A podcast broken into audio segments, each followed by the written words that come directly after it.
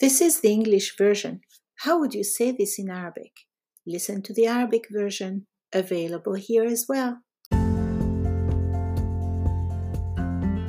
I used to measure everything very precisely in the kitchen.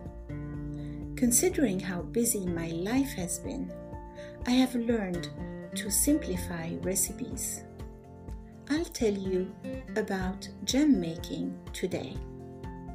I don't know if you noticed, but the amount of sugar you add is basically equal to the amount of fruit.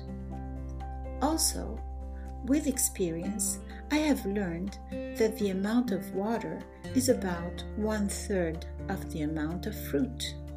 So basically, all you need to do is boil everything for 45 minutes and you're done.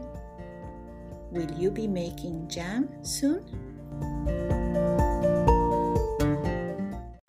You can read this with me on my YouTube channel, Things You Need to Know About Arabic